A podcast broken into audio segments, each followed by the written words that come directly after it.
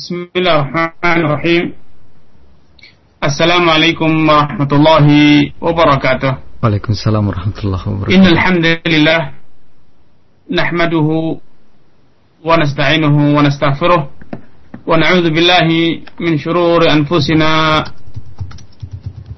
وسيئات أعمالنا من يهده الله فلا مضل له ومن يضلل فلا هادي له أشهد أن لا إله إلا الله وحده لا شريك له وأشهد أن محمدا عبده ورسوله أما بعد Saudaraku, kaum mukminin dan kaum mukminat, pendengar di mana pun anda berada, Alhamdulillah, di sore yang berbahagia ini kembali Allah subhanahu wa ta'ala mempertemukan kita untuk terus memupuk subur iman dan takwa kita dan juga membekali diri kita dengan ilmu yang bermanfaat, ilmu yang merupakan miras nubuah, warisan Rasulullah Sallallahu Alaihi Wasallam. Salawat serta salam tidak luput untuk kita aturkan kepada Nabi kita Nabi besar Muhammad Sallallahu Alaihi Wasallam, kepada keluarganya dan juga seluruh sahabat-sahabatnya Abu Bakar, Umar, Uthman, Ali dan juga yang lainnya atas jasa dan perjuangan mereka mendampingi Rasulullah Sallallahu Alaihi Wasallam dan juga meneruskan dan mengemban risalah Islam ajaran agama Islam ini dan kemudian menyampaikannya kepada umat di berbagai penjuru dunia. Saudaraku, seiman dan sakidah di mana pun anda berada.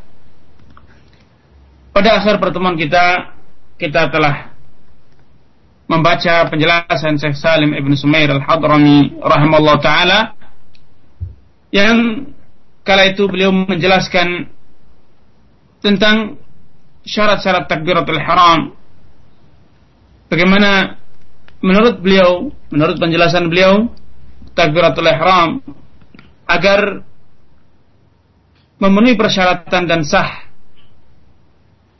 Beliau menjelaskan terdapat 16 persyaratan. Dan pada sore ini kita akan berusaha mengenali penjelasan beliau kembali yang berkaitan dengan Al-Fatihah.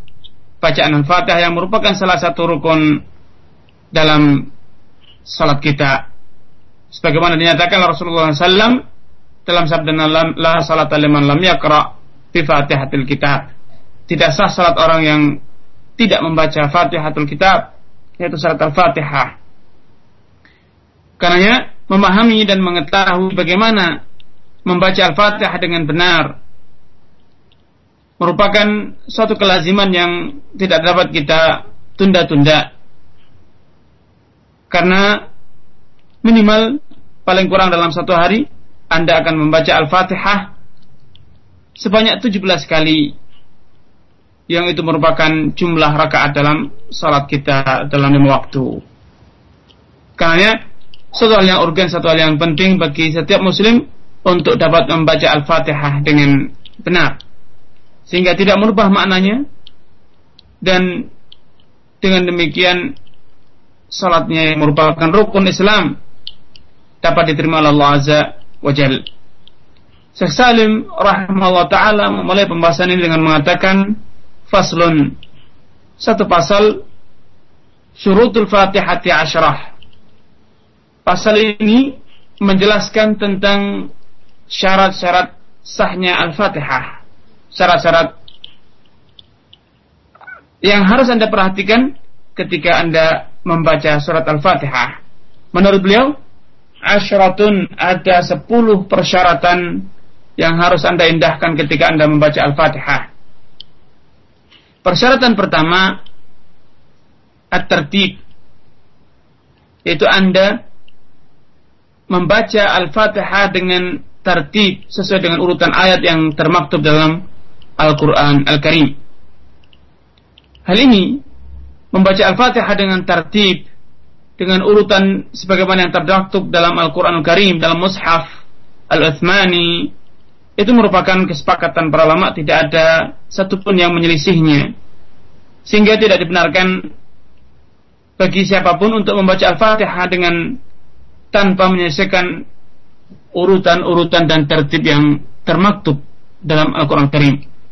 Hal ini tentu menyelisihi apa yang dilakukan oleh sebagian orang terlebih yang telah uh, terbuai ataupun telah terbiasa dengan budaya perdukunan di mana mereka mengenal apa yang diistilahkan dengan Fatihah sumsang yaitu Fatihah yang dibaca dengan terbalik dimulai dari ayat terakhir hingga kemudian menjadikan ayat pertama menjadi ayat yang terakhir ia baca dalam Al-Fatihah. Tentu membaca Al-Fatihah dengan terbalik seperti ini menyelisihi kesepakatan para ulama, menyelisihi fakta yang ada dalam Al-Quran Al-Karim dan juga menyelisihi sunnah Rasulullah SAW.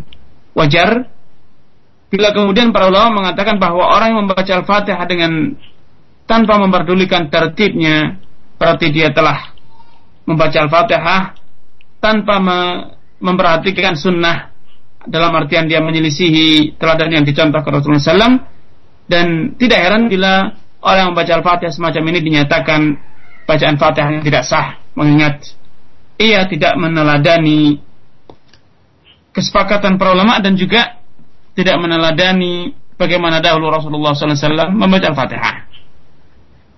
Selanjutnya syarat yang kedua wal mualah membaca Al-Fatihah dengan berkesinambungan sehingga tanpa dipisahkan atau diputus dengan adanya jeda waktu yang berkepanjangan. Karena Al-Fatihah adalah satu kesatuan, satu kesatuan yang tidak boleh dipisah-pisahkan sebagaimana yang diisyaratkan oleh Rasulullah SAW melalui sabdanya. Bahwasanya Al-Fatihah merupakan asab al-mathani itu merupakan tujuh kesatuan tujuh ayat yang mutunya atau keindahannya itu sebanding ketujuh ayat tersebut memiliki keindahan dan keutamaan yang sebanding atau yang serupa. Karenanya tatkala Anda membaca Al-Fatihah, hendaknya Anda membaca secara berkesinambungan, tidak memisahkan antara satu ayat dengan ayat selanjutnya dengan jeda waktu yang berkepanjangan. Karena tidak ada lakukan seperti yang Anda ketahui bersama bahwa kandungan makna Al-Fatihah dimulai dari ayat yang pertama hingga ayat yang terakhir itu adalah kandungan makna yang berkesinambungan satu rangkaian makna yang tidak sepantasnya dipisah-pisahkan. Sebagaimana kandungan Fatihah itu adalah merupakan doa yang kita pintakan kepada Allah Azza wa Jal sehingga tidak etis tidak beradab kepada Allah Subhanahu wa taala bila kita memisah-misah kandungan doa kita yang termaktub atau ter, ter, tersurat dalam Al-Fatihah dengan jeda waktu yang berkepanjangan. Hal ini sebagaimana yang disyaratkan dalam hadis qudsi Allah Azza wa Jal berfirman, "Inni qasamtu as-salata baini wa baina 'abdi nisfain." Aku membagi salat yaitu maksudnya ada uh, bacaan Al-Fatihah, aku membagi bacaan membagi bacaan Fatihah menjadi dua bagian li wali abdi kata Allah. Separuh dua bagian itu. Yang pertama untuk diriku dan yang separuh kedua adalah untuk hambaku. Nah dari hadis ini seperti hadis yang telah anda ketahui bersama dan sering sekali anda dengar dapat dipahami bahwa Al-Fatihah itu merupakan satu rangkaian yang tidak boleh dipisah-pisahkan. Karena itu adalah doa dan tentu Anda sepakat dengan saya bahwa mengucapkan doa tidak layak untuk dipisah-pisahkan dengan jeda waktu yang berkepanjangan. Terlebih sengaja terdiam ketika salat tanpa ada alasan yang dibenarkan, bukan karena sakit, bukan karena yang lain, akan tapi sengaja diam, membisu, tidak melanjutkan bacaan Fatihah, misalnya baru membaca satu dua ayat kemudian terdiam tanpa alasan dan tidak ingin meneruskan atau tidak meneruskannya tanpa ada yang dikerjakan untuk waktu yang cukup lama tentu ini mengurangi e, rasa hormat kita mengurangi atau mencerminkan akan adanya uh, sikap bermain-main atau kurang serius dalam mendirikan sholat.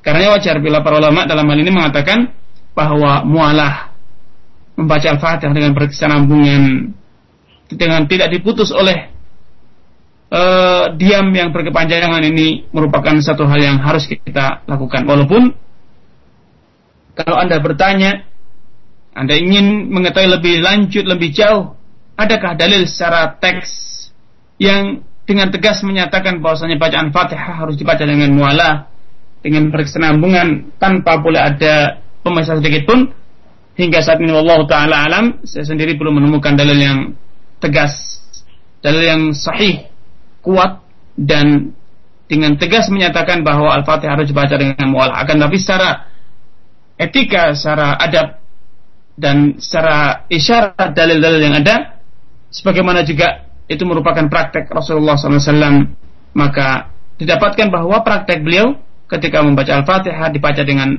secara berkesinambungan dan tidak diputus dengan jeda diam yang berkepanjangan.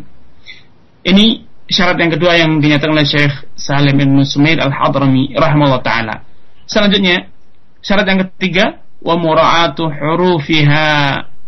Benar-benar mengucapkan setiap huruf Fatihah itu dengan fasih, dengan benar.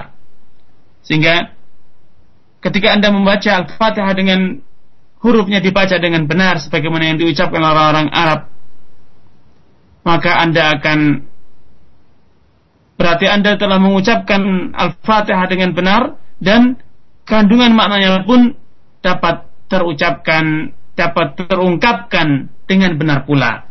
Akan tapi bila Anda telah melakukan lahan kesalahan dalam membaca Al-Fatihah sehingga hurufnya berubah otomatis atau dapat ditebak bahwa kandungan maknanya pun turut berubah maka ini tentu mengancam tentu mengurangi nilai Fatihah Anda dan bisa jadi akan menjadikan bacaan Fatihah Anda tidak sah sehingga otomatis salatnya pun tidak sah. Karenanya keseriusan kesungguhan dalam mengucapkan huruf Al-Fatihah ain keluar dari pangkal eh, apa namanya eh, pangkal eh, belakang huruf apa kerongkongan kita.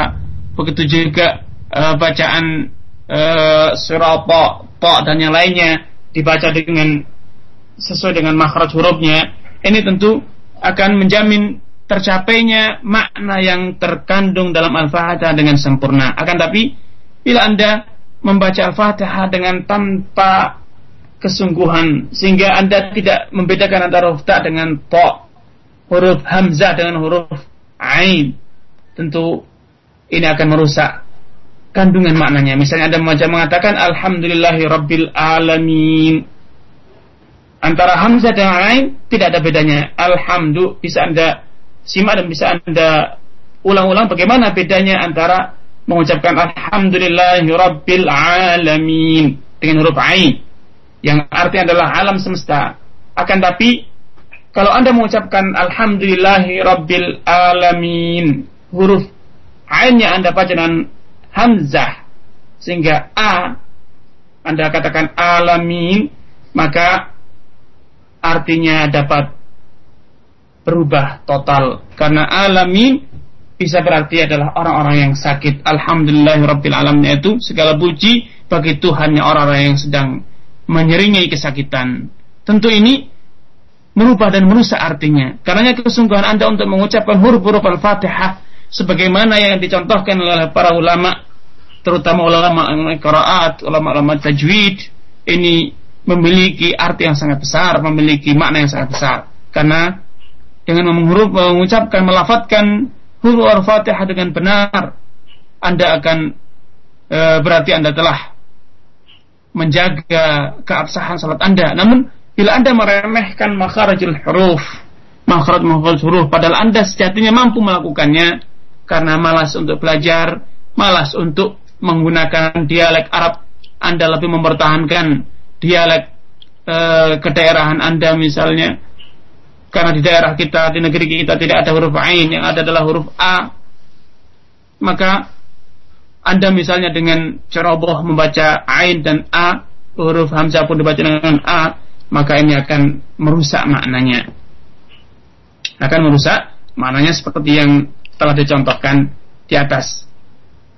Atau misalnya Anda tidak memperhatikan harokat huruf dalam Fatihah sehingga harusnya yang dibaca dengan dhammah Anda baca dengan kasrah, yang dia baca dengan kasrah Anda baca dengan fathah atau dibaca dengan fathah Anda baca dengan dhammah. Misalnya uh, siratal an'amta dengan ta yang artinya adalah jalan yang telah uh, jalannya orang-orang yang telah engkau beri nikmat. Namun kalau Anda ceroboh misalnya sehingga Anda mengucapkan alhamdulillah uh, siratal an'amtu tentu ini akan merubah makna dan bila hal ini terjadi dengan kesengajaan, Anda sengaja atau Anda tidak sengaja akan tapi kesalahan tersebut terjadi karena kurang seriusnya Anda membaca Al-Fatihah atau mempelajari Al-Fatihah, tentu ini akan mempengaruhi tingkat keabsahan salat Anda.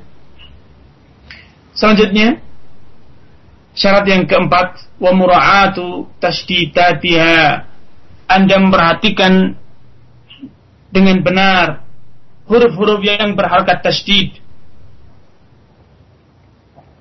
Karena perlu diketahui bahwa setiap huruf yang berharkat tasdid dalam bahasa Arab itu adalah bukti bahwa sejatinya huruf tersebut terdiri dari huruf yang terulang. Dua huruf yang terulang sehingga ketika Anda menjatuhkan atau menggugurkan tidak memperhatikan tasdid dalam Al-Fatihah, berarti Anda disadari ataupun tidak mengakui ataupun tidak telah menggugurkan atau telah melewatkan satu huruf. Setelah melewatkan satu huruf tentu ini akan merusak makna. Saudaraku seiman dan sakidah kemudian syarat selanjutnya syarat yang kelima wa alla yaskuta saktatan tawilatan wala qasiratan yaksudu biha al qiraati.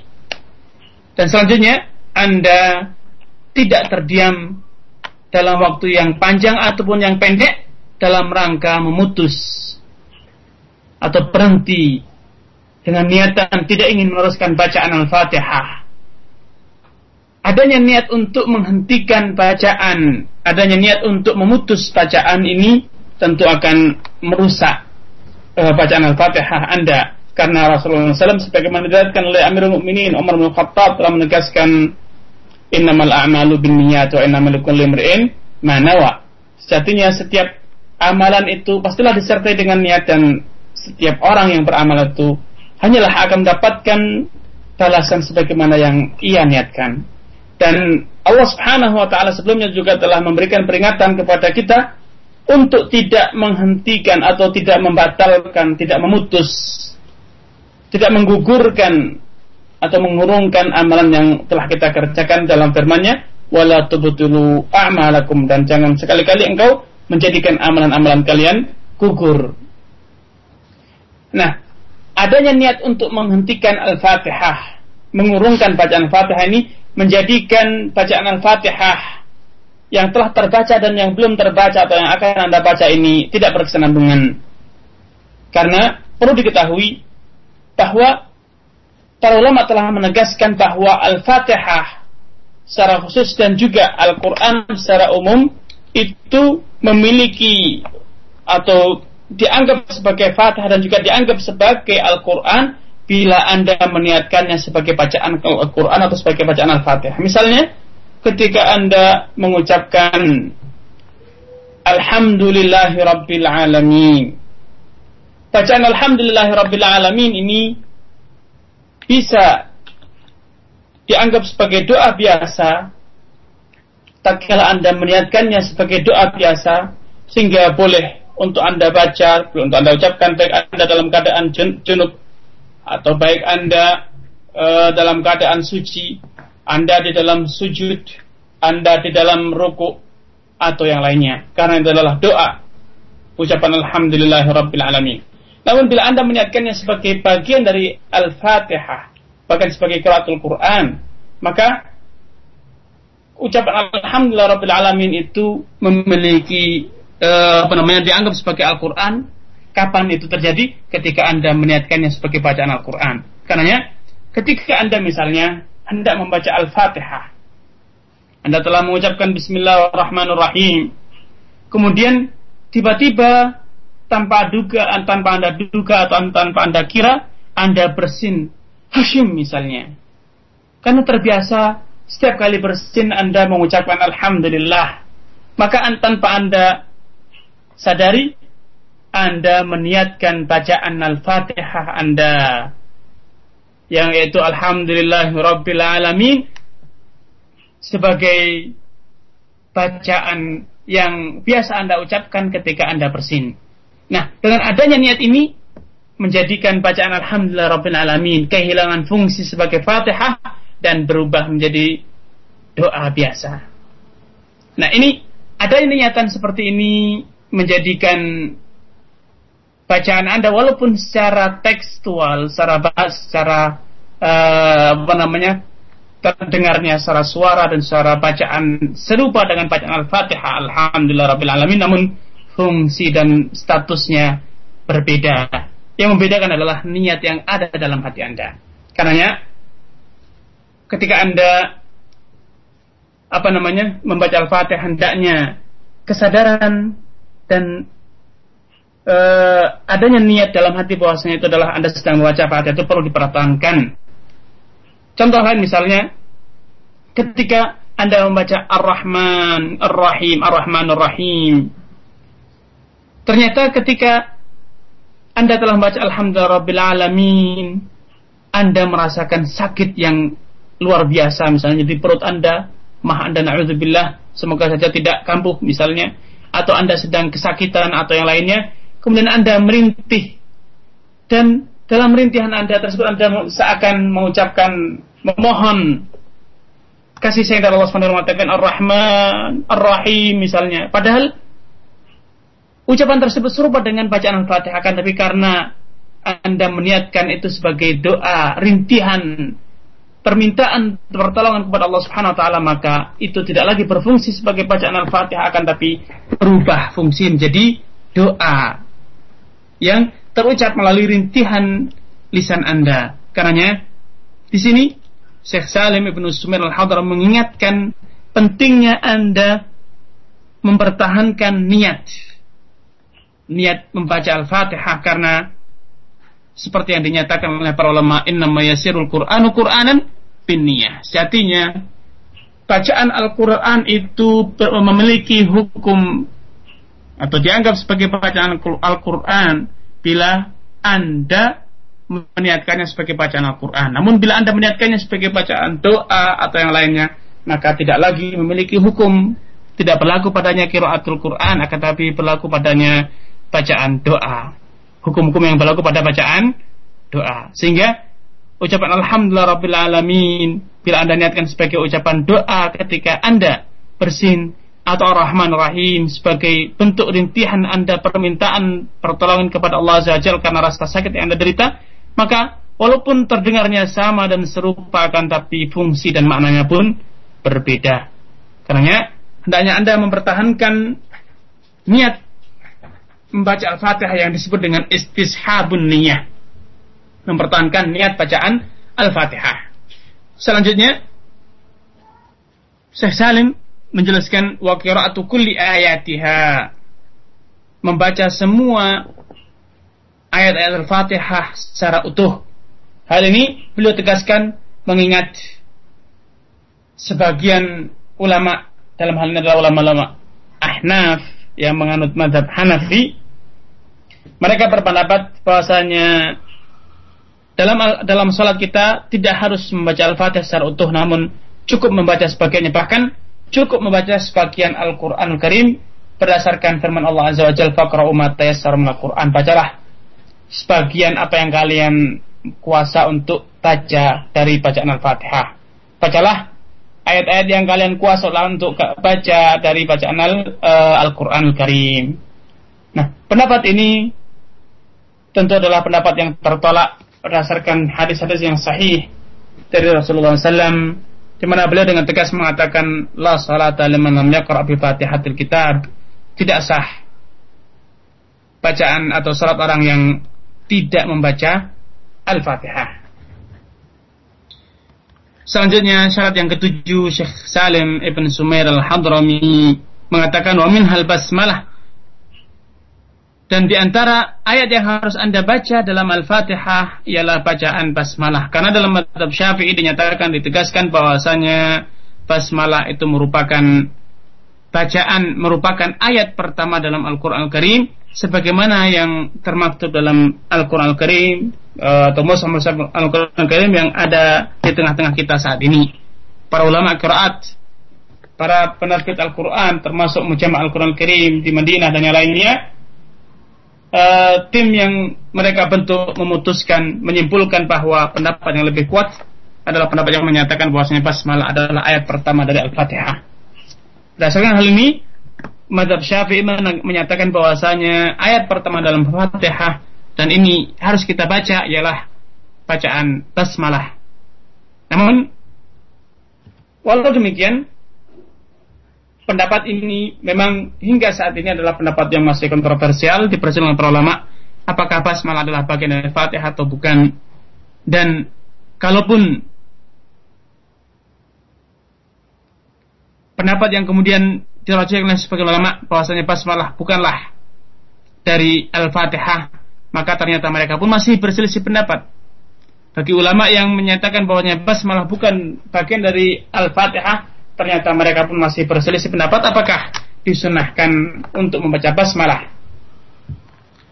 Dan berdasarkan wallahu taala alam sebatas ilmu yang saya miliki puasanya dalil-dalil yang ada mengisyaratkan bahwa basmalah bahwasanya basmalah itu bukanlah dari bacaan Al-Fatihah akan tetapi dalam prakteknya Rasulullah Shallallahu alaihi wasallam membaca bas basmalah sebelum sholat yang kadang kala beliau ucapkan secara sir, secara pelan dan kadang kala dan inilah yang paling sering ma maaf kadang kala beliau baca secara pelan dan ini beliau lakukan dalam beberapa kesempatan dan juga bahkan mungkin ini yang paling sering beliau lakukan yaitu membaca basmalah dengan sir dengan pelan dan kadang kala dalam beberapa kesempatan beliau membaca basmalah dengan suara yang lantang sehingga didengar oleh para sahabat. Pendapat inilah yang kemudian dinyatakan atau dikuatkan oleh sebagian ulama yang berupaya untuk mencari atau menemukan pendapat yang moderat, yang tengah-tengah berdasarkan dalil-dalil yang ada. Mereka berkesimpulan, misalnya Ibnu Qayyim rahimahullah taala menyimpulkan bahwasanya Rasulullah SAW dalam beberapa kesempatan dengan sengaja mengeraskan bacaan basmalah sebagaimana diriwayatkan oleh Abu Hurairah radhiyallahu taala anhu. Dan dalam banyak kesempatan beliau membaca basmalah secara lirih. Sehingga akibatnya karena terjadi perbedaan metode dalam membaca basmalah inilah para sahabat pun berbeda dalam meriwayatkan bacaan Al-Fatihah Rasulullah SAW. Anas bin Malik misalnya, beliau menegaskan bahwa ia salat di belakang Rasulullah SAW dan juga di belakang Abu Bakar dan Umar dan juga Uthman dan Ali. Uh, menurut beliau kata Anas dalam beberapa riwayat beliau menyatakan bahwa dia salat di belakang Rasulullah SAW dan Abu Bakar dan Umar dan katanya saya tidak pernah sekalipun mendengar mereka semua membaca malah dengan keras dalam salat. Akan tapi ini adalah sebatas pengakuan dan pengalaman pribadi Anas bin Malik karena ternyata ditemukan beberapa riwayat dari Abu Hurairah dan yang lain bahwa Rasulullah SAW membaca Al-Fatihah dengan dengan keras. Karena Ibnu Qayyim mengisyaratkan bahwasanya yang rajin lebih kuat adalah pendapat yang mengatakan bahwa dalam beberapa kesempatan Rasulullah SAW membaca basmalah dengan keras walaupun dalam mayoritas salatnya beliau melirihkan bacaan basmalah. Allah taala alam. Selanjutnya persyaratan Fatihah yang dikemukakan oleh Syekh Salim di sini wa adamul lahni al mukhil bil makna. Katanya syarat selanjutnya ialah hendaknya Anda membaca Fatihah dengan fasih sehingga Anda tidak melakukan lahan tidak melakukan kesalahan dalam membaca Al-Fatihah yang berakibat fatal sehingga dapat merubah makna merubah makna Al-Fatihah sebagaimana yang telah dijelaskan di depan Selanjutnya Syekh Salim Ibn Smair mengatakan wa antakuna halatal qiyam fil fardi. Hendaknya bacaan Fatihah itu Anda lakukan ketika Anda dalam kondisi tegak berdiri. Terlebih ketika salat Anda adalah salat fardu. Karena seperti yang pernah ditegaskan sebelumnya bahwa salat dengan berdiri terutama dalam salat fardu itu merupakan rukun salat kita seperti yang disabdakan Rasulullah SAW ditegaskan Rasulullah SAW kepada Umar bin Husain ketika beliau sudah menderita sakit tawasir ambayan beliau menyatakan salih qaiman salatlah dengan berdiri fa'ilam tastati' faqa'idan dan bila engkau tidak mampu berdiri barulah engkau boleh salat dengan duduk fa'ilam tastati' fa'ala jambin. Dan kalau engkau tidak mampu salat dengan duduk karena sakit maka barulah engkau boleh salat dengan berbaring. Dari hadis ini, para ulama menyimpulkan bahwa berdiri termasuk ketika Anda membaca Al-Fatihah itu merupakan rukun atau merupakan salah satu wajib dan wajibat salat. Suatu kewajiban yang harus Anda kerjakan ketika sholat Anda. Sehingga Anda tidak tidak sah, tidak boleh dengan sengaja sholat, duduk, sholat dengan duduk. Terlebih ketika sholat fardu bila Anda an, mampu melakukannya, mampu melakukan salat dengan berdiri. Hal ini tentu menyelisihi apa yang dilakukan oleh sebagian saudara kita tatkala mereka sedang menderita sakit. Sebagian saudara kita, afahumullah, semoga Allah Subhanahu wa taala segera memberikan kesembuhan kepada mereka ketika sedang sakit karena suatu hal sehingga mereka tidak mampu rukuk dan sujud dengan sempurna. Walaupun mereka mampu berdiri dengan sempurna. Akhirnya mereka memilih sholat untuk duduk. Tentu ini tidak tepat. Tidak mampu sujud dan tidak mampu rukuk dengan ya sebagaimana mestinya bukan menjadi alasan. Tidak dapat dijadikan alasan untuk sholat sambil duduk dan anda meninggalkan berdiri tidak. Karena kaidah, dalam kaidah dinyatakan al maisuru la yasqutu bil ma'sur. Sesuatu yang mampu anda kerjakan tidak serta merta menjadi gugur gara-gara ada amalan yang lain yang tidak tidak kuasa anda lakukan. Tidak mampu untuk rukuk dan duduk dengan, dengan sujud sujud dengan sempurna tidaklah menjadi alasan bagi anda untuk meninggalkan kiam meninggalkan berdiri. Tidak mampu untuk sujud dengan sempurna bukan berarti anda boleh untuk tidak rukuk atau rukuk dengan isyarat. Semua yang bisa anda kerjakan dalam sholat anda maka harus anda kerjakan sebagaimana dicontohkan Rasulullah SAW walaupun di kesempatan lain ketika anda mendapatkan gangguan atau alasan yang dibenarkan secara syariat anda dibolehkan untuk meninggalkan sebagian amalan atau sebagian rukun atau sebagian wajibat sholat yang tidak kuasa anda lakukan. Saudaraku seiman dan seakidah pendengar yang semoga senantiasa dirahmat Allah Azza wa Jalla di mana pun anda berada. Selanjutnya, Syekh Salim menekankan wa an yusmi'a nafsahu qira'ata hendaknya anda memperdengarkan diri Anda sendiri bacaan Fatihah Anda. Sehingga walaupun Anda membacanya secara lirih akan tapi bacaan Anda tetap saja mengeluarkan suara. Sehingga Anda benar-benar mendengar minimal ini adalah batas minimal dari bacaan Anda itu minimal Anda mendengar bacaan Anda sendiri. Walaupun orang terdekat dari Anda, orang yang berdiri di sebelah Anda tidak mendengar bacaan Anda. Inilah yang disebut dengan kiraah, inilah yang disebut dengan bacaan. Adapun membisu, menutup mulut rapat-rapat dengan membaca di dalam hati maka itu tidaklah disebut dengan bacaan. Sehingga bila Anda melakukan hal itu berarti Anda belum membaca Al-Fatihah. Karena Rasulullah SAW dalam hadisnya telah menegaskan Inna tajawaza an ummati malam ma hadat ma bi anfusuha ma lam tatakalam atau ta'mal. Allah Subhanahu wa taala telah memaafkan umatku apa yang terpetik dalam hati mereka, apa yang mereka bisikkan dalam hatinya selama bisikan tersebut belum terucap atau belum diamalkan. Sehingga bisikan hati atau bacaan hati, ucapan hati yang tidak sampai keluar dalam lisan, tidak mengeluarkan suara, itu belum dianggap sebagai kiraah, tidak dianggap sebagai bacaan.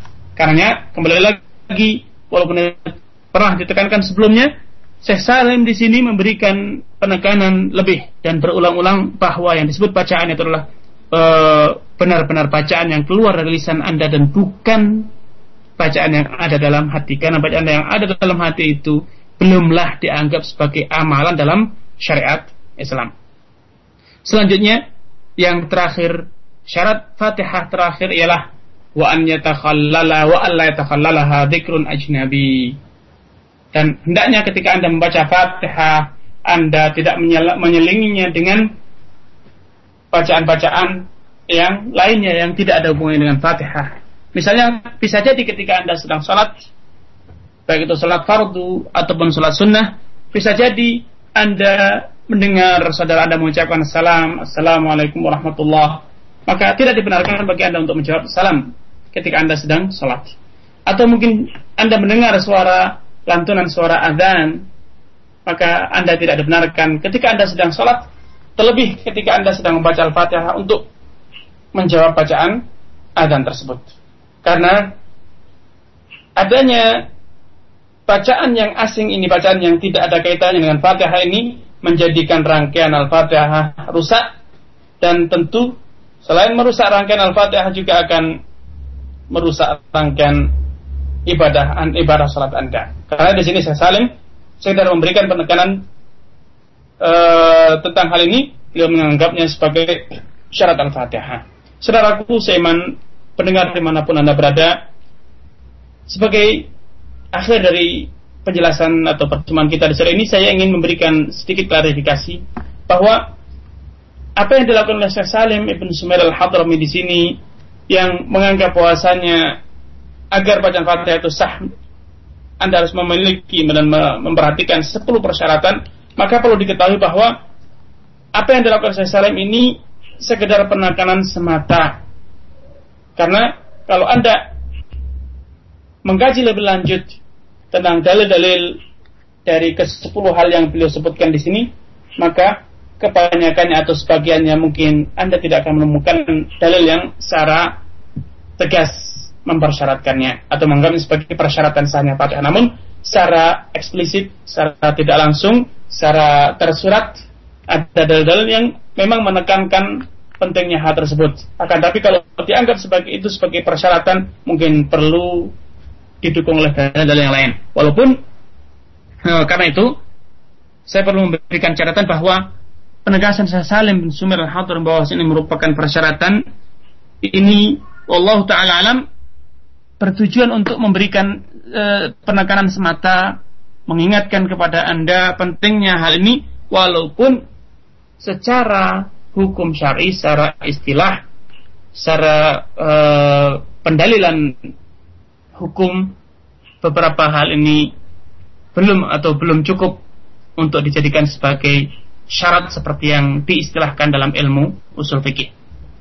Karenanya e, kita harus memahami penjelasan Syekh Salim Nusumir ini dengan mempertimbangkan uh, faktor historisnya, faktor sejarahnya, di mana ketika Syekh Salim Ibn Sumair al-Hadram menuliskan buku ini yang kala itu beliau sempat tinggal di negeri kita di daerah Banten tepatnya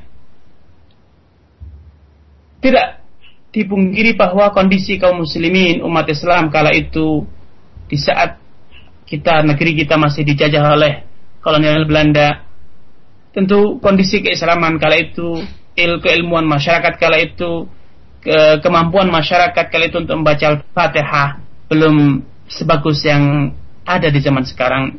Di mana kesadaran untuk mengkaji ilmu Islam mengkaji, mempelajari bacaan Al-Fatihah atau membaca Al-Quran dengan baik dan benar kajian-kajian begitu mudah ditemukan di zaman kita sehingga Eh, kesadaran atau kemampuan masyarakat untuk membaca, untuk memenuhi ketentuan bacaan Fatihah benar itu, dikala itu masih banyak atau masih banyak yang belum mampu memenuhinya. Karena saya, saya merasa perlu untuk memberikan penekanan-penekanan dalam hal-hal ini. Ini mungkin yang menjadi alasan atau bisa dijadikan sebagai uh, uzur bagi saya Salim tatkala beliau menyebutkan persyaratan-persyaratan yang begitu ketat begitu seakan membaca Fatihah itu terasa sulit padahal sejatinya Al-Fatihah itu begitu mudah.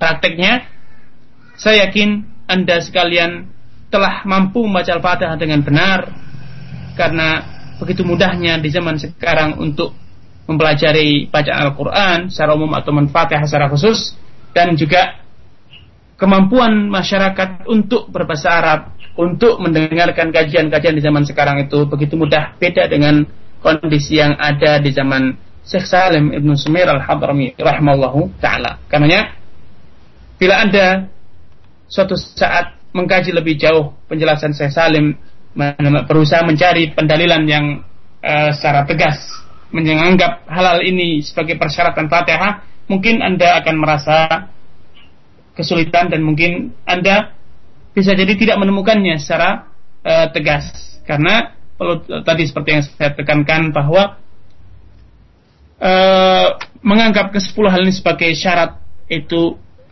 saya yakin Allah taala alam ini sebagai sekedar sebagai tajawuzan sekedar penggunaan istilah secara bahasa walaupun secara istilah syar'i kurang begitu tepat. Wallahu taala alam ini yang bisa disampaikan di kesempatan sore yang berbahagia ini. Semoga Allah Subhanahu wa taala menjadikan kita termasuk orang-orang yang yastami'una al-qaula fayattabi'una hasanah semoga Allah Subhanahu wa taala juga senantiasa meningkatkan iman ilmu dan amal kita sekalian. Nah terima kasih untuk Al Ustaz jazakallah khairan atas materi yang telah disampaikan Semoga Allah Subhanahu wa taala memberikan keberkahan atas ilmu yang Ustaz sampaikan dan menjadi ilmu yang bermanfaat untuk kita semua. Saudaraku seiman rahimakumullah, di kesempatan sesi tanya jawab ini kami undang untuk interaksi Anda silakan bertanya kepada Al Ustaz tentunya dengan sesuai tema dan pembahasan kita di sore ini melalui telepon 0218236543 atau dengan pesan singkat 0819896543. Satu penanya dari telepon kita coba sapa terlebih dahulu. Halo, Assalamualaikum. Assalamualaikum. Waalaikumsalam warahmatullahi wabarakatuh. Silakan. Ah. Dari Abdul Aziz, terima kasih. Silakan ah, Abdul Aziz. Kalau misalnya begini, saya itu membaca Alhamdulillahirabbil alamin, tapi saya pikir ada yang salah terus saya ulang lagi, apakah itu boleh atau tidak? Iya. Terus yang kedua, bagaimana kalau saya lagi berduduk di tengah-tengah ingin ingin tidak meneruskan lagi, tapi saya teruskan lagi, apakah wudhunya sah atau tidak? Maksudnya berwudu di tengah uh, di tengah wudhu?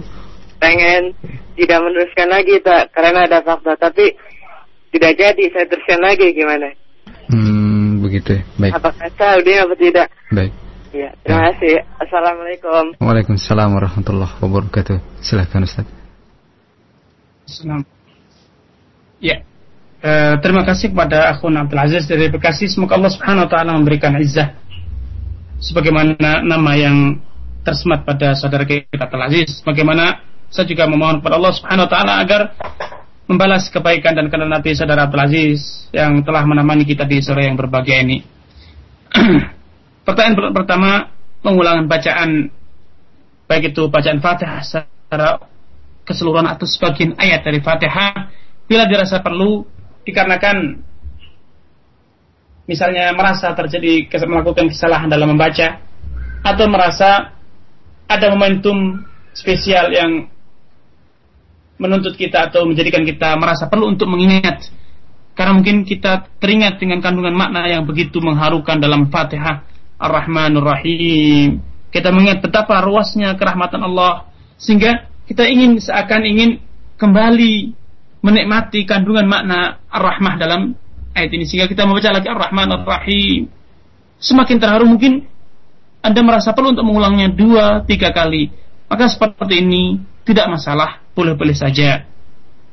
Asalkan pengulangan tersebut memiliki alasan yang dapat diterima secara syar'i akan tapi kalau sekedar mengulang-ulang tanpa ada alasan maka tentu uh, kurang tepat dan dianjurkan untuk tidak dilakukan. Akan tapi kalau pengulangan tersebut karena suatu alasan yang dibenarkan karena seperti contohnya tadi misalnya kurang fasih membaca atau memiliki atau ingin berusaha lebih jauh mendalami dan menyelami kandungan maknanya maka insya Allah tidak masalah. Karena dahulu para ulama salaf sebagian mereka kadang dalam satu salat, salat terutama salat malam mereka dalam satu saat kadang hanya sholat dengan satu ayat padahal mereka satu malam suntuk sholat sehingga mereka membaca ayat tersebut dengan diulang-ulang bukan hanya sekali dua kali namun berpuluh-puluh kali dan bisa jadi beratus-ratus kali. Karena mereka terus berusaha menyelami lebih jauh lebih dalam kandungan makna yang tersirat dalam ayat tersebut. Ini pertanyaan pertama. Kemudian pertanyaan kedua bila saudara sedang berwudu membasuh wajah kemudian tangan misalnya di tengah-tengah wudhu tiba-tiba anda ingin berhenti dari wudhu karena satu hal karena melihat anak ingin atau seakan ingin terjatuh. Atau anda mungkin merasa terburu-buru khawatir tertinggal kereta atau bis sehingga anda ingin berlari ingin mengejar bis namun ternyata anda salah berduga ternyata waktunya masih longgar sehingga anda berkesempatan untuk menyelesaikan wudhu anda. Bila sudah ada niatan putus amal seperti ini maka para ulama mengatakan anda tidak boleh melaruskan akan tapi Anda harus mengulang. Anda harus mengulang karena dengan adanya niat memutus amalan berarti Anda telah membatalkan amalan Anda, telah mengukur amalan Anda. Padahal Allah Rasulullah SAW telah menegaskan innamal a'malu binniyat wa innamal likulli imrin manawa. Setiap amalan itu pastilah disertai dengan niat dan setiap orang yang mengamalkan itu hanyalah mendapatkan apa yang telah dia niatkan dan ternyata Anda telah meniatkan memutus wudhu Anda atau amalan Anda. Karena dengan niat ini berarti amalan Anda telah batal, telah gugur, dan otomatis Anda harus mengulang amalan Anda. Ini terjadi atau hukum ini berlaku, penjelasan ini berlaku bila Anda ingin memutus sholat Anda eh, atau maaf wudhu Anda ataupun sholat Anda di tengah-tengah Anda wudhu atau tengah-tengah Anda sholat. Akan tetapi bila Anda telah selesai berwudhu, Anda telah selesai sholat, maka niat Anda ataupun adanya keinginan tekad untuk memutus sholat atau menghentikan sholat setelah Anda selesai sholat, setelah Anda selesai wudhu, niat-niat tersebut, niat memutus tersebut atau niat membatalkan tersebut tidaklah berfungsi. Artinya, sholat Anda tidak menjadi gugur, wudhu Anda tidak menjadi batal gara-gara setelah wudhu Anda berniatan ingin membatalkan sholat Anda atau wudhu Anda ini tidak lagi ada akarnya, tidak lagi ada pengaruhnya. Allah taala alam. Baik, terima kasih ya atas jawaban yang Ustaz sampaikan. Jazakallah khairan. Di kesempatan kedua kita angkat dari telepon kembali ada Ibu Hartini di Bekasi. Silakan Ibu. Assalamualaikum Waalaikumsalam warahmatullahi wabarakatuh. Mohon maaf Ibu dikecilkan volume radionya Bu ya. Silakan. Uh, ya Ustaz. Saya mau menanyakan tentang ini ada orang yang membaca Al-Quran uh, dan di situ dikasih uh, untuk memberikan uh, pengajaran, tetapi uh, kita tahu bahwa orang itu mengajarkannya itu kurang tepat itu. Sedangkan kita tahu kalau nggak mengingatkan, yang saya tahu ikut kena dosanya gitu. Sedangkan kita nggak punya pengaruh di situ gitu uh, itu gimana apakah tetap kita uh, ikut menanggung dari kesalahan itu gitu karena kita merasa bahwa kita itu nggak punya pengaruh di situ Iya. Uh, saya kira itu aja Baik, Assalamualaikum warahmatullahi wabarakatuh. Waalaikumsalam warahmatullahi wabarakatuh. Terima kasih Ibu. Silakan Ustaz. Salam. Ya. Terima kasih pertama saya sampaikan kepada Ibu Artini yang atas kerendahan hati Ibu di sore hari yang berbagai ini menemani, menemani kita dan menyimak kajian kita di sore ini. Semoga Allah Subhanahu wa taala senantiasa melimpahkan taufik hidayah serta inayahnya kepada Ibu Artini dan keluarga. Pertama, kemungkaran apa pun bentuknya, kesalahan apa pun wujudnya adalah suatu hal yang harus dirubah, suatu hal yang harus ingkari. Man ra'a minkum munkaran falyughayyirhu biyadihi Barang siapa menyaksikan suatu kesalahan, satu kemungkaran, hendaknya ia merubah dengan kekuatannya. Namun, bila ia tidak kuasa merubah, mengingkari kemungkaran tersebut dengan kekuatannya, maka hendaknya ia merubahnya, mengingkarinya dengan lisannya, dan kalau dia tidak kuasa, maka hendaknya ia mengingkarinya dengan hatinya. Itu dengan cara membenci dan meninggalkan tempat terjadinya kemungkaran tersebut. Hal ini berlaku dalam semua hal, termasuk dalam kemungkaran yang terjadi di saat terj uh, proses pembelajaran Al-Quran, baik pembelajaran secara bacaan atau pembelajaran secara tafsir, atau pembelajaran secara amalan. Semuanya pelaku penjelasan yang telah saya utarakan di atas Allah Ta'ala alam. Baik, terima kasih atas jawaban yang saya sampaikan. Di kesempatan ketiga masih dari telepon kita coba kembali menyapa. Halo. Nah, terputus. Dipersilakan untuk pertanyaan ketiga. Kami masih akan angkat dari telepon sebelum kita angkat dari beberapa penanya melalui pesan singkat 0218236543 kami uh, angkat kembali. Halo. Assalamualaikum Waalaikumsalam warahmatullahi Silakan Ibu. Uh, Ustadz, uh, ini uh, mengenai uh, wanita haid ya Ustadz. Kalau seandainya ketika sapar uh, lalu uh, sebelum sapar uh, masih ada haid ya Ustadz masih ada darah uh, gitu. Tapi ketika di perjalanan, ketika safar gitu, uh, ternyata suci dari haid. Sementara untuk mandi um, besar gitu, uh, mungkin agak kesulitan gitu, Ustaz. Apakah ini dibolehkan untuk tayamum, Ustaz? Uh, iya. Terus yang kedua, Ustaz, mengenai witir, sholat witir, kalau tiga rakaat itu kan uh, rakaat yang pertama surat sabis dan yang kedua uh, Al-Kafirun ya, dan Kul Huwallah yang ketiga ya Ustaz. Kalau misalnya mengerjakannya lima rakaat gitu atau uh, seterusnya, surat apa yang harus dibaca Ustaz? Iya. Sukron. Baik. Assalamualaikum warahmatullahi wabarakatuh. Waalaikumsalam warahmatullahi wabarakatuh. Dua penanya dari uh, dua pertanyaan dari penanya yang ya. uh, tadi silahkan. Ya, pertama-tama saya ucapkan jazakallah khairan kepada ibu yang telah bertanya. Semoga Allah Subhanahu wa taala melimpahkan taufik hidayah serta rahmatnya kepada ibu dan keluarga atas kerendahan hati ibu menyimak kita di sore yang berbahagia ini. Pertanyaan pertama, bagi wanita yang safar dan ia suci di tengah perjalanan, namun untuk bersuci menggunakan air mandi janabah misalnya, ia merasa kerepotan karena mungkin toilet yang ada atau mungkin dia merasa kesulitan untuk mendapatkan tempat hmm, mandi janabah misalnya, maka berdasarkan dalil-dalil yang ada tetap saja tidak dibenarkan bagi ibu tersebut, wanita tersebut untuk bertayamum selama ia masih mendapatkan air dengan mudah. Masalah bagaimana caranya ia mandi, maka banyak solusi yang bisa ditempuh e, misalnya dengan singgah di salah satu rumah saudara-saudara kita yang banyak bertebaran di sepanjang jalan sehingga kita bisa numpang mandi atau kita misalnya singgah di pom bensin yang ada toiletnya sehingga kita bisa mandi di sana atau kita bisa singgah di e, misalnya rumah makan atau di tempat peristirahatan atau restoran atau hotel misalnya untuk sesaat mandi atau yang lainnya di tempat-tempat pemandian umum bisa jadi kita temukan toilet di sana untuk sekedar mandi di e, tempat tersebut insya Allah tidak masalah Uh, adapun tayamum maka seperti yang telah Allah jelaskan dalam beberapa ayat Allah telah menjelaskan fa'ilam tajidu ma'an fatayamamu sa'idan thayyiba.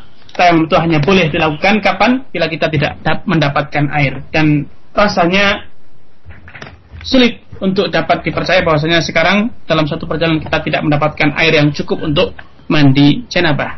Terlebih mandi janabah dalam Islam itu simpel dan sederhana sekali seperti yang digambarkan oleh Rasulullah SAW kepada Ummu Salamah ketika beliau bertanya tentang tata cara mandi janabah. Beliau menjelaskan bahwa innama yakfiki an tahti ala ra'siki thalatha hatayat. Wahai Ummu Salamah, cukuplah engkau ini menyiram ke kepalamu tiga kali siraman. Summa tufidin alaikil ma'a huri. Kemudian setelah kepalamu disiram tiga kali, kanan kiri dan tengah misalnya, kemudian Anda meratakan air ke seluruh tubuh Anda maka fatat hurin. Dengan itu Anda sudah suci. Ada pun menggunakan sampo, menggunakan sabun, menggunakan conditioner dan yang lainnya ini, maka itu sudah keluar dari rangkaian mandi janabah. Itu hanya sekedar mandi untuk bersuci, itu hanya sekedar prosesi tata cara untuk kesempurnaan e, kebersihan tubuh Anda akan tapi secara hadat maka hadat Anda telah sirna dengan sekedar ratanya air ke seluruh tubuh Anda. Sehingga tidak ada alasan untuk eh, apa namanya bertayamum selama Anda masih mendapatkan air dengan mudah. Selanjutnya tadi pertanyaan kedua eh, witir. Ya, nah. Bacaan witir, ya, bacaan witir ketika baca tiga rakaat. Dalam yang pertama adalah ala-ala kemudian uh, Al-Kafirun dan Al-Ikhlas. Nah, bagi yang ingin witir lima rakaat, maka bila ia witir lima rakaat dalam sekali salaman, maka bacaan yang anda baca silahkan anda baca surat apa saja dan pada uh, apa namanya rakaat ketika anda membaca al-ala, rakaat keempat anda membaca al-kafirun dan rakaat kelima anda membaca al-ikhlas itu boleh-boleh saja. Karena penjelasan bacaan ini ini hanya sekedar sunnah saja tidak wajib sah-sah saja itu hanya sekedar sunnah dan bukanlah hal yang wajib. Sehingga anda bebas membaca surat apa saja. Walaupun bila anda mempertahankan sunnah tersebut maka itu insya Allah tidak sia-sia dan akan Allah balas dengan pahala yang besar. Akan tetapi ada satu poin penting yang perlu saya tekankan di sini bahwa di antara sunnah Rasulullah SAW dalam mengamalkan sunnah beliau dalam menerapkan sunnah beliau adalah beliau itu sering kali lebih memilih untuk variatif dalam beramal. Jangan jadikan ibadah sunnah Anda sebagai rutinitas yang akhirnya akan menghilangkan kekhusyuan Anda, mengurangi penghayatan Anda terhadap apa yang Anda ucapkan, apa yang Anda kerjakan. Makanya walaupun uh, telah ditemukan beberapa dalil yang menunjukkan bahwasanya beliau membaca al-ala, al-kafirun dan al-ikhlas maka alangkah baiknya bila Anda sesekali membaca sholat yang lain, dengan demikian Anda akan lebih bisa mempertahankan kehusuan Anda, penghayatan Anda terhadap apa yang Anda baca. Demikianlah dahulu metode yang dijelaskan oleh Aisyah bagaimana Rasulullah SAW ketika beramal. Seperti yang dijelaskan oleh Aisyah, kan Rasulullah SAW yasumu minasyari hatta nakulu la yuftir. Lalu Rasulullah SAW bila sholat eh, puasa sunnah pada suatu bulan seakan-akan beliau tidak ingin berhenti puasa pada bulan tersebut. Namun sebaliknya, kadangkala dalam bulan yang lain beliau berhenti dari berpuasa, tidak berpuasa pada bulan tersebut seakan-akan atau sampai-sampai kita mengatakan bahwasanya kayaknya pada bulan ini Rasulullah SAW tidak akan berpuasa sedikit pun. Demikian juga ketika beliau sholat malam, wa yakum lail hatta nakulu layar Seakan beliau qiyamul lail seakan-akan dia tidak akan tidur sama sekali. Ini di lain kesempatan beliau berubah.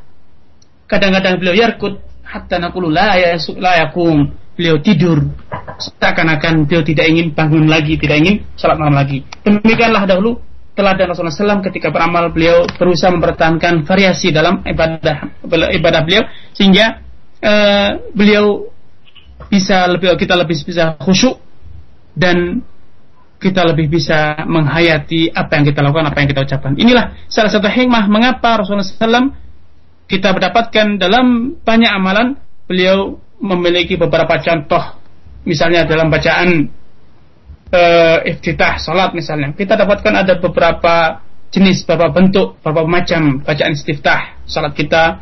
Begitu juga dalam bacaan ruku, bacaan sujud. Rasulullah SAW mencontohkan beberapa bacaan yang tentunya bacaan-bacaan tersebut tidak beliau baca dalam satu waktu yang bersamaan akan tapi dibaca dalam waktu yang berbeda beda wallahu taala alam. Baik Ustaz, terima kasih jazakallah khairan atas jawaban yang Ustaz sampaikan. Dan untuk selanjutnya Ustaz, kita angkat pertanyaan yang datang dari pesan singkat. Begitu banyak pertanyaan yang sudah masuk namun uh, hanya beberapa mungkin yang bisa kami ajukan. Untuk yang pertama dari Ibu Hani di Rawalumbu.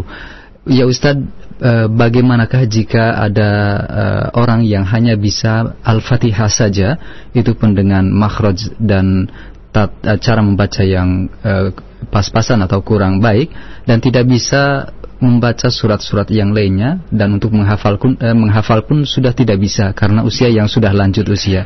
E, yang jadi pertanyaan, bagaimanakah hukum dari sholatnya? Apakah sah? Mohon penjelasan dari Ustaz. Ya. Terima kasih kepada Ibu Hani atas kerendahan hati Ibu menemani kita di sore yang berbahagia ini. Semoga Allah Subhanahu wa taala menambahkan iman, ilmu serta amalan serta rahmatnya kepada Ibu Hani dan keluarga. Bagi orang yang tidak lagi mampu membaca Al-Fatihah dengan benar karena mungkin sudah tua sehingga sudah susah untuk mengucapkan huruf-huruf Arab dengan fasih atau ia tidak lagi mampu bisa membaca surat karena ia tidak lagi bisa menghafal, mempelajari atau menghafal Al-Quran atau surat-surat walaupun yang terpendek, maka para ulama telah menggariskan bahwa segala amalan yang tidak kuasa anda lakukan itu hukumnya gugur. Seperti yang digariskan dalam satu kaidah innahu la wajiba ma'al ajzi wala tahrima ma'ad darurah tidak ada hukum wajib bagi orang yang tidak kuasa melakukan dan tidak ada hukum haram bagi orang yang tidak kuasa meninggalkan dikarenakan faktor yang di luar kemampuannya. Akan tapi kalau tidak kuasa karena faktor tradisi, tidak bisa karena apa sudah terbiasa repot, maka ini bukan menjadi alasan. Nanti kalau tidak mampunya itu karena memang faktor alami sudah tua sehingga sulit untuk menghafal. Sudah tua sehingga lisannya sulit untuk disesuaikan e, dengan dialek Arab misalnya. Maka insya Allah itu semuanya dimaafkan. Allah Ta'ala alam. Baik Ustaz, terima kasih. Dan untuk selanjutnya masih dari pesan singkat kami angkat dari uh, pendengar kita. Seorang hamba Allah di Bogor yang bertanya Ya Ustadz, bolehkah bagi seorang imam untuk membaca surat Al-Fatihah uh, secara langsung atau disambung atau diwasol dari ayat 1 sampai dengan ayat ke-7 ya Ustadz? Ya. Terima kasih kepada saudara kita yang telah bertanya ini. Semoga Allah Subhanahu wa taala senantiasa menambahkan taufiknya kepada saudara dan keluarga atas kerenan hati saudara menyimak kita di surah yang berbahagia ini. Rasulullah Sallallahu Alaihi Wasallam sebagaimana dikisahkan oleh Aisyah bahwasanya ketika membaca Al-Fatihah dan membaca surat yang lain, beliau Shallallahu Alaihi Wasallam membacanya dengan tertil, tidak dibaca dengan serabutan atau dibaca dengan satu nafas. Akan tapi beliau mencontohkan ketika membaca Al-Quran itu beliau membaca berhenti pada setiap ayat, mengambil nafas dan kemudian merenungi kandungan makna tersebut.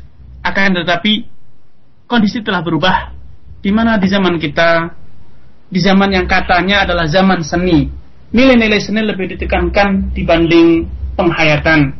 Karenanya uh, kita lebih bisa khusyuk dengan orang yang suaranya merdu walaupun mungkin tingkat keikhlasannya tingkat kebenaran amalannya dengan atau kesesuaian amalannya dengan sunnah itu mungkin belum begitu memadai akan tapi kalau kita sholat di belakang orang yang sholatnya betul-betul sesuai dengan sunnah Rasulullah SAW, akan tetapi suaranya kurang merdu, walaupun fasih, walaupun sesuai dengan hukum-hukum tajwid, maka kita kurang khusyuk. Ini mencerminkan akan rendahnya keikhlasan kita, rendahnya uh, hubungan kita dengan Allah Azza wa Jal.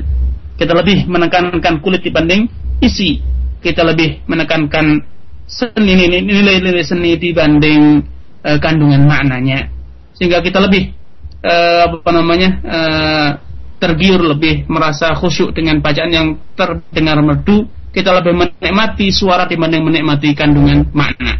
Ini adalah yang terjadi di zaman kita. Karenanya uh, salah satu praktek yang terjadi ialah apa yang ditanyakan pada pertanyaan di sini yaitu membaca al-fatihah dengan satu nafas. Alhamdulillah Rabbil Alamin Rahman Rahim Maliki Iyyaka na'budu wa iyyaka nasta'in. Sehingga seakan tidak ada kesiapan untuk menghayati, merenungkan, e, kemudian menyelami kandungan makna yang ada dalam Al-Fatihah. Namun seakan-akan yang ada adalah keterburu-buruan ingin segera selesai dari sholat sesingkat mungkin dan secepat mungkin. Tentu ini akan mengurangi makna dan penghayatan terhadap Fatihah dan tentu tidak dilakukan akan mengurangi pula tingkat dan kadar pahala yang akan kita dapatkan wallahu taala walaupun secara sah dan tidak sahnya sholat maka insya Allah selama bacaannya itu benar memenuhi syarat dan rukunnya insya Allah sholatnya tetap sah akan tapi tentu anda menyadari bahwa pahalanya pun akan berbeda dengan orang yang membaca al-fatihah dengan tertil dengan penuh penghayatan dengan pelan penuh menyelami kandungan-kandungan maknanya seperti yang dahulu Rasulullah SAW setiap kali melewati ayat rahmat beliau berusaha berhenti dan e, berdoa memohon dan setiap kali melewati ayat azab beliau berhenti sesaat untuk memohon perlindungan kepada Allah Azza wa Jal. Tentu ini menyelisihi dan berbeda dengan apa yang kasus yang ditanyakan dalam pertanyaan di atas. Allah Ta'ala alam. Baik Ustaz, terima kasih atas jawabannya. Dan satu penanya kembali dari pesan singkat dari saudara Abdullah Abu Afiyah di Yogyakarta yang bertanya Ustaz, uh, dan ini pertanyaan yang sering kali disampaikan oleh para pendengar, namun mohon uh, mungkin dijelaskan secara lebih luas lagi uh, terkait dengan membaca Al-Fatihah di belakang imam ya Ustaz. Apakah kita bisa membaca sendiri ataukah kita diam saja kalau e, diam, bagaimana dengan hadis yang e, menyebutkan bahwasanya tidak ada sholat tanpa al-fatihah? Kemudian dijamak atau bagaimanakah menjamak dengan ada nas hadis lain yang menjelaskan kepada kita bahwasanya rukunya imam maka e, menjadi e, mendapat e, maka mak makmum tersebut mendapatkan rokaat. Nah, Ustaz, bagaimana menjamak dua nas ini? E, mohon penjelasan dari Al Ustaz. Uh, terima kasih kepada Kuna Abdullah di Yogyakarta atas kerendahan hati saudara menyimak dan menemani kita di sore yang berbahagia ini. Semoga Allah Subhanahu wa taala senantiasa menambahkan ilmu taufik hidayahnya kepada saudara dan keluarga. Para ulama telah berselisih pendapat bahwa Al-Fatihah apakah itu wajib dibaca oleh setiap orang yang sholat atau hanya sebagian saja. Dalam hal ini yang dianut dalam madhab syafi'i yang diajarkan dalam madhab syafi'i Imam Syafi'i menyatakan bahwa setiap orang yang sholat baik itu sholat sendiri ataupun sholat berjamaah imam ataupun makmum dalam sholat sir yang lirih ataupun yang keras bacaan imamnya maka semuanya harus membaca Al-Fatihah berdasarkan keumuman sabda Rasulullah SAW la sholat liman lam yakra di Fatihatul Kitab. Tidak sah sholat orang yang tidak membaca Fatihatul Kitab atau Al-Fatihah Karenanya dalam madhab syafi'i dinyatakan semua orang yang sholat dalam kondisi apa pun dan e, dengan cara apa pun dia harus membaca Al-Fatihah. Dan inilah Allah Ta'ala alam pendapat yang menurut hemat saya Allah Ta'ala lebih kuat. Adapun pendapat yang lain yaitu pendapat yang menyatakan bahwa orang yang sholat berjamaah di belakang imam dia adalah sebagai makmum dan sholatnya adalah sholat yang jahriyah maka bacaan imam itu cukup mewakili sholat uh, bacaan bagi makmum sehingga makmum tidak perlu lagi membaca Al-Fatihah berdasarkan sabda Rasulullah SAW man kana lahu imam fakir atau lahu kira barang siapa yang memiliki imam maka bacaan imam cukup sebagai bacaan sebagai uh, uh, bagi makmumnya. Akan tapi dalil ini tidak cukup kuat untuk uh, bila berhadapan dengan dalil yang di atas. Mengingat para ulama bisa dikatakan telah sepakat bahwa hadis ini hanya berlaku kepada sholat jahriyah. Sehingga dengan kata lain, hadis ini tidak dapat diterapkan secara umum. Karena hadis ini menyatakan menkan kalau imam fakir atau lokir barang siapa yang memiliki imam maka bacaannya imam itu cukup mewakili bacaan makmumnya dan ternyata telah disepakati oleh para ulama bahwa dalam sholat sirriyah makmum harus tetap membaca dalam bacaan-bacaan yang lain Misalnya dalam bacaan sujud, ruku, mama pun harus tetap membaca bacaan jika dalam ruku dan sujud. Ini mencerminkan bahwa hadis ini, keumuman hadis ini tidak lagi dapat dipertahankan. Akan tapi hadis ini tidak uh, sudah secara kenyataan, secara fakta diakui oleh para ulama telah maksus dikhususkan dengan banyak dalil sehingga tidak kuat untuk berhadapan dengan keumuman hadis man kala salat oleh malam ya kalau Fatihatul Kitab tidak sah bacaan atau salat orang yang tidak membaca Fatihatul Kitab. Karena dalam kaidah dinyatakan al-amu al-baqi al ala umumihi aqwa min al-amil maksus. Satu dalil yang belum pernah ditaksis. Satu dalil yang keumumannya itu masih utuh, belum pernah ada dalilan yang menghususkan itu lebih kuat dibanding dalil yang sama-sama umum akan tapi dalil tersebut pernah ditaksis atau ditemukan dalil lain yang secara tegas mengkhususkan keumuman atau mengurangi tingkat keumuman hadis tersebut. Sehingga berdasarkan kaidah ini dapat dinyatakan bahwa keumuman hadis barang siapa atau tidak sah salat orang yang tidak membaca Fatihah ini lebih kuat dibanding keumuman hadis mangkan atau imam barang siapa yang memiliki imam wallahu taala alam. Nah, Ustaz, uh, kaitannya dengan hadis yang menyebutkan bahwa orang yang mendapati rukunya imam maka tidak uh, maka telah mendapatkan rakaat walaupun belum membaca Al-Fatihah bagaimana Ustaz? Ya, ini adalah termasuk permasalahan lain yang kontroversial ya. di mana kebanyakan ulama menganggap bahwa barang siapa yang mendapatkan imam dalam kondisi ruku maka dia uh, cukup langsung ruku mengikuti imam dan itu sudah dianggap sebagai satu rokat bagi dia sehingga tidak perlu dia membaca fatihah. Namun sebagai ulama lain dan dan ini adalah pendapat yang dilakukan oleh Imam Syaukani rahimahullah taala menyatakan bahwasanya tidak cukup baginya untuk rukuk saja akan tapi dia harus mengulang satu rukuk lagi untuk kemudian membaca Fatihah lagi berdasarkan keumuman hadis tidak sah sholat orang yang tidak membaca Fatihah sehingga uh, permasalahan tersebut memang masih menjadi permasalahan yang kontroversial diperselisihkan para ulama walaupun kalaupun kita menggunakan pendapat yang mengatakan bahwa itu pendapatnya jumhur bahwa makmum cukup rukuk saja maka permasalahan tidak bertentangan dengan apa yang telah diutarakan di atas karena kaidah telah menyatakan bahwasanya la wajib ma'al azzi wala tahrim ma'ad darurah. Dalam kondisi di mana kita tidak mampu melakukan suatu amalan yang wajib, maka secara otomatis amalan yang wajib tersebut gugur. Sebagaimana kalau kita menghadapi kondisi di mana kita tidak mampu, tidak kuasa meninggalkan yang haram, misalnya dalam kondisi kelaparan, maka dalam kondisi kelaparan tidak ada lagi status hukum haram yang adalah halal, tapi menjadi halal, khamar menjadi halal kapan? Tatkala kita dalam kondisi kelaparan. Nah, kaitannya dengan orang yang salat. Demikian pula dengan orang yang mendapatkan imam dalam kondisi ruku sehingga ia tidak memiliki kesempatan untuk membaca Fatihah, maka berarti dalam kondisi ini makmum dalam kondisi atau dihadapkan dengan kondisi di mana dia tidak kuasa, tidak bisa membaca Fatihah.